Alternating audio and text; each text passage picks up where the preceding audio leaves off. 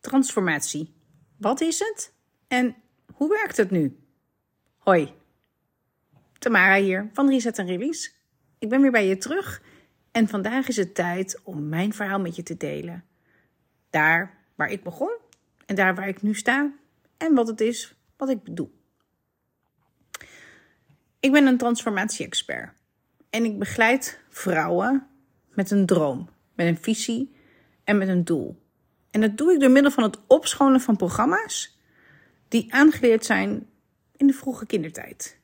En die je gevangen houden om te floreren en daar te komen waar je werkelijk wil staan.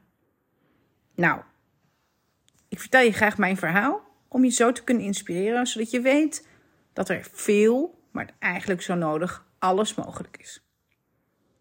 Ik ben inmiddels 47 jaar en ik woon in Flevoland en ik ben moeder en oma. Ik ben inmiddels twee keer getrouwd, één keer gescheiden. en het leven is wel pittig voor me geweest. Er zijn periodes geweest als alleenstaande moeder dat ik het echt gewoon niet meer trok. Ik zat in de bijstand. Ik had twee kinderen, beide met een rugzak. Um, ook wel autisme genoemd. En het was pittig. Het was een moeilijke tijd. Maar op een dag zat ik op de bank met de zoveelste keer zwaarte, verdriet, frustratie, financiële problemen. Maar ergens ook een stemmetje in mij die zei dat er meer mogelijk was. En zo is mijn reis begonnen met een stukje persoonlijke ontwikkeling. In 2009 of 2010, weet ik niet precies meer, ben ik begonnen met persoonlijke ontwikkeling. Ik volgde een training waarin ik leerde dat ik mocht stoppen om te praten over je. Ik mocht het houden bij ik. Ik zei bijvoorbeeld vraag, ja, als je zoals je dat dan doet, en het is niet zoals je dat dan doet, het is zoals ik het doe. En ik ging opletten hoe vaak ik dat zei. Dat ik het buiten mezelf plaatste. Dat was best wel heel vaak. Ik begon te leren verantwoordelijkheid te nemen voor mezelf. En niet meer in de je-vorm te praten. Was best nog een dingetje. Maar ik leerde dat heel veel dingen bij mij liggen. Dat de kracht in mij zit. Dat ik verantwoordelijk ben voor het resultaat waar ik ben, omdat ik mezelf in bepaalde situaties bracht, bepaalde keuzes maakte, bepaalde keuzes niet maakte en soms ook gewoon echt niet koos, omdat ik niet wou verliezen. Dat ik dan aan het uitstellen ging. De persoonlijke ontwikkelingsreis was mooi. De derde training die ik daar volgde was creatie. En in creatie werd ik geconfronteerd met de dingen en de overtuigingen die ik diep werkelijk van binnen heb zitten. En een van mijn overtuigingen was dat ik niet gezien of niet gehoord werd. En dat ik besloten had dat ik toch wel zou worden afgewezen. En daar liet ik me door tegenhouden. En een van de opdrachten die ik daar kreeg was dat ik een taak moest volbrengen waarin ik de ultieme afwijzing zou krijgen, zodat ik zou kunnen ervaren wat er daadwerkelijk gebeurde als die ultieme afwijzing er ook dan daadwerkelijk kwam. Zover is het nooit gekomen, want ik ben weggelopen van de opdracht. Zo moest ik in een bioscoop een film gaan kijken, daarna de film opnieuw aanschaffen, in de zaal gaan zitten en tien minuten voor het einde van de film op het podium klimmen en het einde van de verhaal gaan vertellen. Nou, dat ging ik echt niet doen. Ik wist bijna zeker dat ik dan in elkaar geslagen zou worden. Dus degene die die klus bedacht heeft, die heeft geen hoge ogen gescoord bij me. Maar het heeft me wel wakker gemaakt. Het was wel ik die verantwoordelijk ben voor mijn eigen resultaat. En als ik me niet zichtbaar maak, dan ben ik ook niet zichtbaar. Maar dan kan ik ook niet verwachten dat anderen mij begrijpen. En zo is de echte reis tot mijn persoonlijke ontwikkeling echt gestart. En ik uh, heb een uh, omweg gemaakt. Ik ben systeemtherapeut geworden.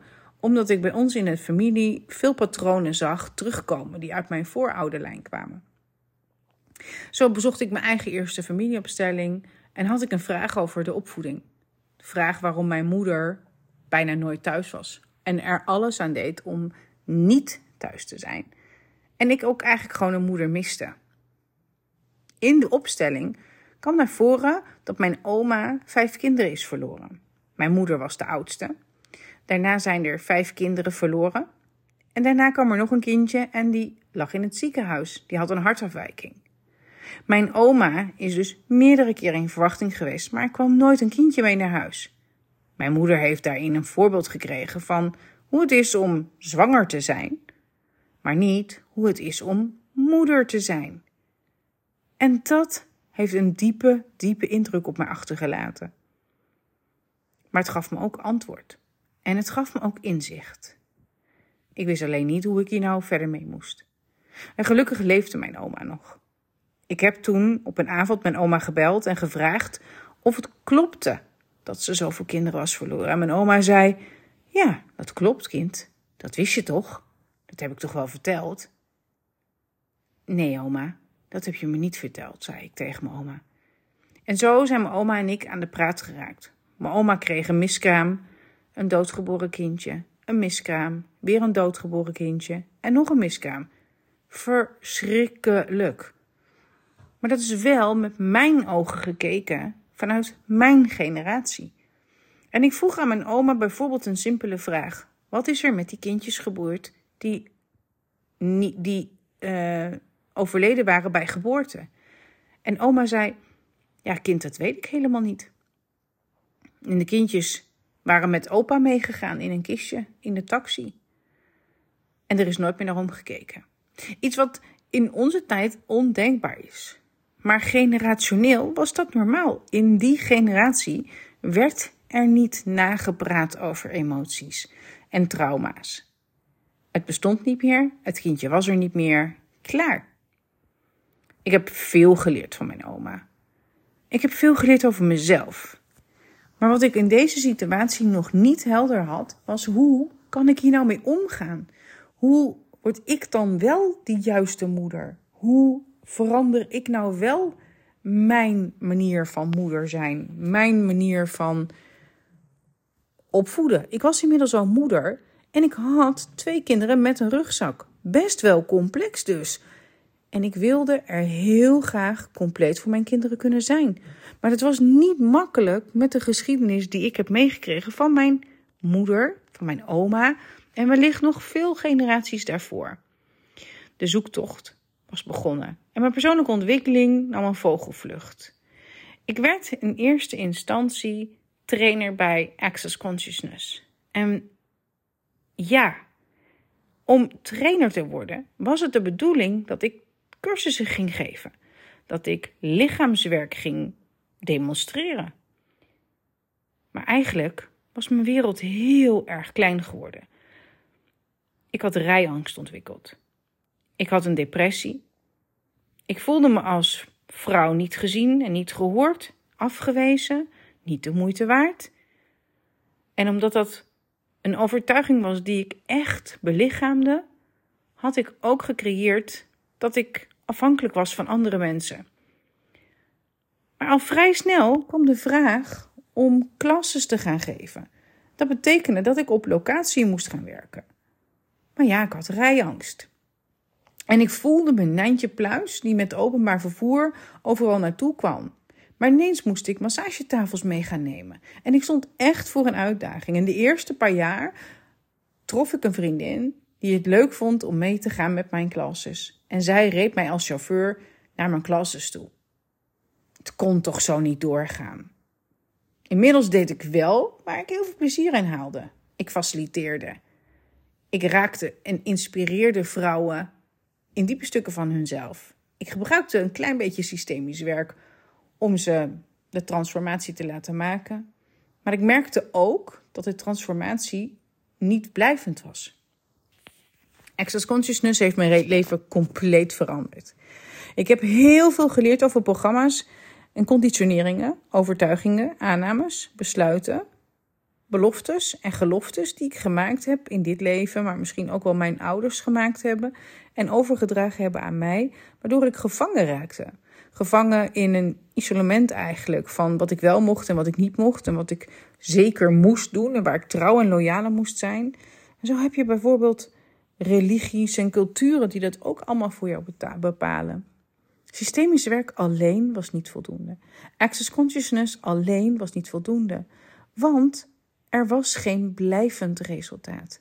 Er was wel inzicht En er waren tools. En ik had stapels vol met manuals in de kast liggen van alle trainingen en de duizenden euro's die ik geïnvesteerd had in al die cursussen.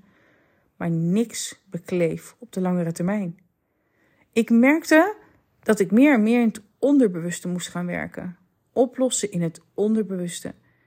En ik merkte ook dat ik het op een vrouwvriendelijke manier wou doen. Want mijn inspiratie, systemisch werk, was gecreëerd door een man, Bert Herlinger. En de meer wetenschappelijke benadering, Frans Roepert, ook een man. Persoonlijke ontwikkeling zocht ik bij Tony Robbins, ook weer een man. En ga zo maar door. Er waren nog maar weinig vrouwen die me op dat moment goed konden inspireren. En ik ging op zoek naar een vrouwvriendelijke aanpak. En die vond ik. En dat is waar ik nu mee werk.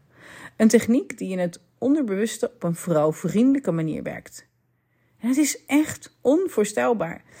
Ik ben begonnen met mijn eigen traject. In eerste instantie wilde ik voor mezelf het belichamen. Want ik had inmiddels wel geleerd dat de dingen uit een boekje voor mij niet voldoende werkten. Ik wilde het echt voelen, beleven, doorleven, vasthouden, aan vastpakken. En dan mee spelen. En ontdekken en ervaren. Zodat ik het echt werd. En binnen Access Consciousness zag ik echt trainers die heel snel binnen no time de top bereikt hadden. Maar dat deden ze eigenlijk, in mijn inzicht, in mijn opinie, door veel geld er tegenaan te gooien en de cursussen te kopen. Maar daarmee ben je voor mij nog niet een belichaamde embodied facilitator. En dat was wel iets wat ik graag wilde. Dus ik besloot eerst de techniek zelf te ondergaan. Nijntje Pluis, die met openbaar vervoer naar Amsterdam ging, rijangst had, afhankelijk was van haar vriendin om facilitatorschap te kunnen doen, begon haar eigen reis. En oh boy, wat een dynamische, intense reis. Ik weet het nog precies. Mijn man was net uit Luxemburg teruggekomen in Nederland en ik had blij moeten zijn. En ik stond genageld aan de vloer, met de autosleutels in de hand, mijn ogen gericht op een andere man. Ik was er helemaal klaar mee. We hadden weer ruzie. Ik moest mijn plek weer delen. Ik moest ineens weer rekening houden met hem, met zijn behoeftes en zijn gewoontes. Er was geen ruimte meer voor mij. Ik voelde me weer niet gezien en niet gehoord. Financieel werd het weer ingewikkeld. De vrijheid was weer vertrokken. De rust en de ruimte die ik zo gekoesterd had in al die tijd dat ik alleen in huis was, moest ik weer opofferen. Ik werd oma. Er werd een uitbreiding van ons gezin naar ons toegeschoven. En eigenlijk bleef er niets van mij over. En dat was het moment dat ik besloot: het moet nu echt anders. Het is echt nu de tijd om voor eens en voor altijd schoon schip te maken. En zo begon mijn traject, mijn journey, mijn reis. En ik begon met het kalibreren van mijn zelfvertrouwen. Want iedereen kon over mijn straat heen lopen. Iedereen kon mijn tijd gebruiken. Iedereen kon mijn geld gebruiken. Ik zei nooit nee. Ik regelde altijd alles voor iedereen. En ik trok gewoon geen grens. Ik werkte tot diep in de nacht aan mijn projecten. Er was geen grens. Mijn emotie werden gekalibreerd. En dat alleen al was zo'n ontzettend inzicht. Want ik dacht dat ik een burn-out had. Maar eigenlijk was ik gewoon bored-out. Ik was er klaar mee om elke keer hetzelfde trucje te doen. Het werkte niet voor mij. Ik had Freedom Lifestyle Junkies gecreëerd. Een super waardevolle training voor het inzicht in vrijheid, in financiën. Maar na de tweede cyclus, hetzelfde trucje opnieuw doen, ging ik er echt gewoon weer kapot aan. Dit is niks voor mij, dacht ik nog. En ik liet het ook gewoon weer uitdoven. Daarna kwam de periode om mijn emoties te kalibreren. Dat was ook een hele bijzondere periode. Ik leerde mezelf liefhebben. Ik leerde de emoties van mijn oma terug te brengen bij mijn oma, bij mijn moeder, mijn moeder te laten voor wat dat was. En in die tussentijd overleed mijn stiefvader en ik kon dat heel goed handelen. Ik was echt aan den lijve emotioneel stabieler. De ruzies namen af en er ontstond ruimte. Ik begon weer te dromen. Ik deed een tantra-cursus in mijn eentje in Griekenland. En ik kon weer echt bij mijn gevoel zijn. Ik durfde seksuele energie weer toe te laten. Het was een soort van ondeugende reis voor mezelf, waarin ik toe kon geven dat ik heel erg gefascineerd was door seksuele energie. En ik stond mezelf toe om dat te gaan ervaren. En toen ik terugkwam, was mijn man dolgelukkig dat ik er weer was. Ik kon het ontvangen. Al gauw raakte ik wel weer in de spanning, in de stress, want er moest weer geld gecreëerd worden. Het was nodig dat ik mijn eigen broek weer ging optrekken. En ik besloot weer terug in de zorg te gaan, omdat dat nou eenmaal een makkelijke manier was voor mij om veel geld en snel geld te kunnen verdienen. Maar de uren telden op. Ik werkte rustig weer 80 uur in de week. En daarnaast probeerde ik ook mijn eigen praktijk en mijn gezin nog te onderhouden. Het werd tijd voor een stressreset. De stressreset is het derde programma wat ik aanbied. Een kalibratie van je overleven. People pleasing. Vechten, vluchten, bevriezen. Maar ook daar waar ik zelf scherven en brokken maakte, en gemaakt had. Het uitvallen naar andere mensen. Het grenzeloos zijn. Het onderwerpen. Het onderdanig zijn. De spanning en de angst en de weerstand die dit vroeger allemaal bij mij opriep, ben ik nu de baas. Het is onvoorstelbaar hoe groot de impact hier geweest is. Afgelopen mei ben ik in mijn eentje naar Australië gegaan. In eerste instantie zou mijn man mee, maar hij koos anders. Normaal gesproken zou dat echt een teken zijn voor ruzie. Hoezo laat je me nu alleen de wereld over? En ik kon dit met gemak ontvangen. Hij koos anders. En dat zei niets over mij. Een beetje gespannen, maar toch ook wel trots en vol lef, besloot ik de reis alleen te gaan maken. Ik had een doel, want er was een update in de opleiding. En, het en het, de vrouwvriendelijke aanpak waar ik mee werk, heeft haar basis in Australië. Er was een conferentie. De conferentie zou twee dagen duren, drie dagen. En ik besloot om 17 dagen te gaan. Een paar dagen vooraf, een paar dagen achteraf. En de laatste week liet ik gewoon open. Want ik ging heel veel mooie vrouwen ontmoeten. Die mij zeker op sleeptouw zouden nemen. En die zeker zouden zeggen tegen mij: Nou, kom Tamara. Hier, wij hebben nog wel een slaapkamertje over. Je komt gewoon nog gezellig een weekje bij ons. En we nemen je wel mee en we sjouwen je wel rond hey, hoor je het? De afhankelijkheid. Hij zat er nog wel. Ik mocht hem gaan testen. Nentje Pluis ging naar Brisbane. Hartstikke leuk. Fantastisch eerste week gehad. Grote uitdaging gehad toen ik ten onrechte uit de conferentie werd gezet. Maar ik wist me heel snel te herpakken. En voor mezelf te gaan staan. Ik liet me toch niet de wereld afsturen. Ik was toch niet de halve wereld overgereisd om me vervolgens uit een conferentie te laten zetten. Nee, dit ging mij niet gebeuren. Krachtig leiderschap vanuit mezelf heb ik getoond. En dat heeft geresulteerd dat ze terug konden komen op hun beslissing en konden inzien dat ze een fout gemaakt hadden, waarvoor ik uitvoerig excuus heb gekregen. Ik voelde me in mijn kracht zo ontzettend sterk. En die tweede week, die werd niet opgevuld. Nee, Tamara, je bent niet afhankelijk van anderen om het naar je zin te hebben. Want ergens zat ook in mij nog een diep gekoesterde wens. Het was namelijk de tweede keer dat ik in Australië was. En de vorige keer dat ik in Australië was, was voor Access Consciousness. En toen had ik graag naar de Great Barrier Reef gewild. Maar ja, dat was nog 2000 kilometer verder. En nu, in die laatste week, had ik helemaal geen plan. Ik had niet eens een appartement of een hotel. Ik had helemaal niks. Ik had nog een klein beetje geld op de bank en ik besloot het maar gewoon te gaan doen. Ik boekte een Bonsa flight. een, interna een, een nationale vlucht. Een uurtje, anderhalf geloof ik. En ik was 2000 kilometer verderop gevlogen en ik voelde me geweldig. Nijntje Pluis ging de wereld nog verder open. Want ik wilde naar de Barrier Reef. Ik wilde Nemo's vinden. Ik wilde snorkelen. En alles in mij had dit nooit gekozen. Ik voelde de spanning en ik deed het toch. En of ik Nemo vond? Natuurlijk vond ik Nemo. Ik vond er zelfs twee. Het was geweldig. Ik heb zoveel overwonnen die dag. Ik heb zoveel laten zien aan mezelf dat ik niet afhankelijk ben. Dat ik de leider ben in mijn eigen leven. En dat mijn keuzes bepalen waar ik naartoe ga, hoe ik er naartoe ga en waarom en hoe lang. Het was een fantastische reis. En toen ben ik teruggekomen in Nederland met de training in mijn pocket, met mijn eigen transformatie.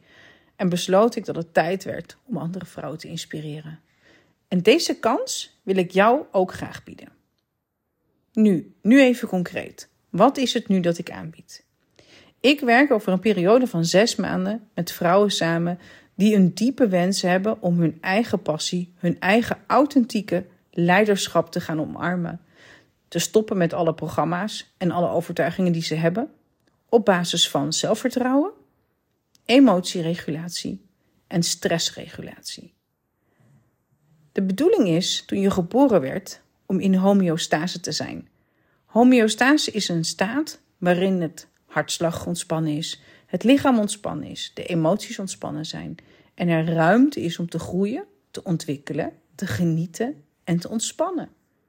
Dat is homeostase. Maar door alle invloeden waar we aan blootstaan en alle programma's die ons zijn aangeleerd, zijn onze filters vervuild geraakt. We hebben overtuigingen en programma's aangenomen van anderen, die wellicht in andere tijden prima werkten. Er is informatie verloren gegaan, die nog steeds in ons systeem aanwezig is. En daarvoor moeten we een reis maken in het onderbewuste. Elke reset die ik aanbied bestaat ongeveer uit vier sessies van twee uur elk. En in die sessies gaan we op zoek naar de informatie die in het onbewuste, onderbewuste ligt opgeslagen. Eenmaal in het onderbewuste die informatie aangeraakt, is het net als leren fietsen. Je hebt leren fietsen. Of je gaat fietsen, is natuurlijk aan jou. Ik had in Brisbane makkelijk in een hotel kunnen blijven zitten wachten tot mijn vlucht terugging. Maar ik koos ervoor om te gaan testen en te kijken of er werkelijk verschil was en of ik nu wel in staat was om mijn eigen dromen te volgen. En dat is ook waar ik jou voor ga uitnodigen.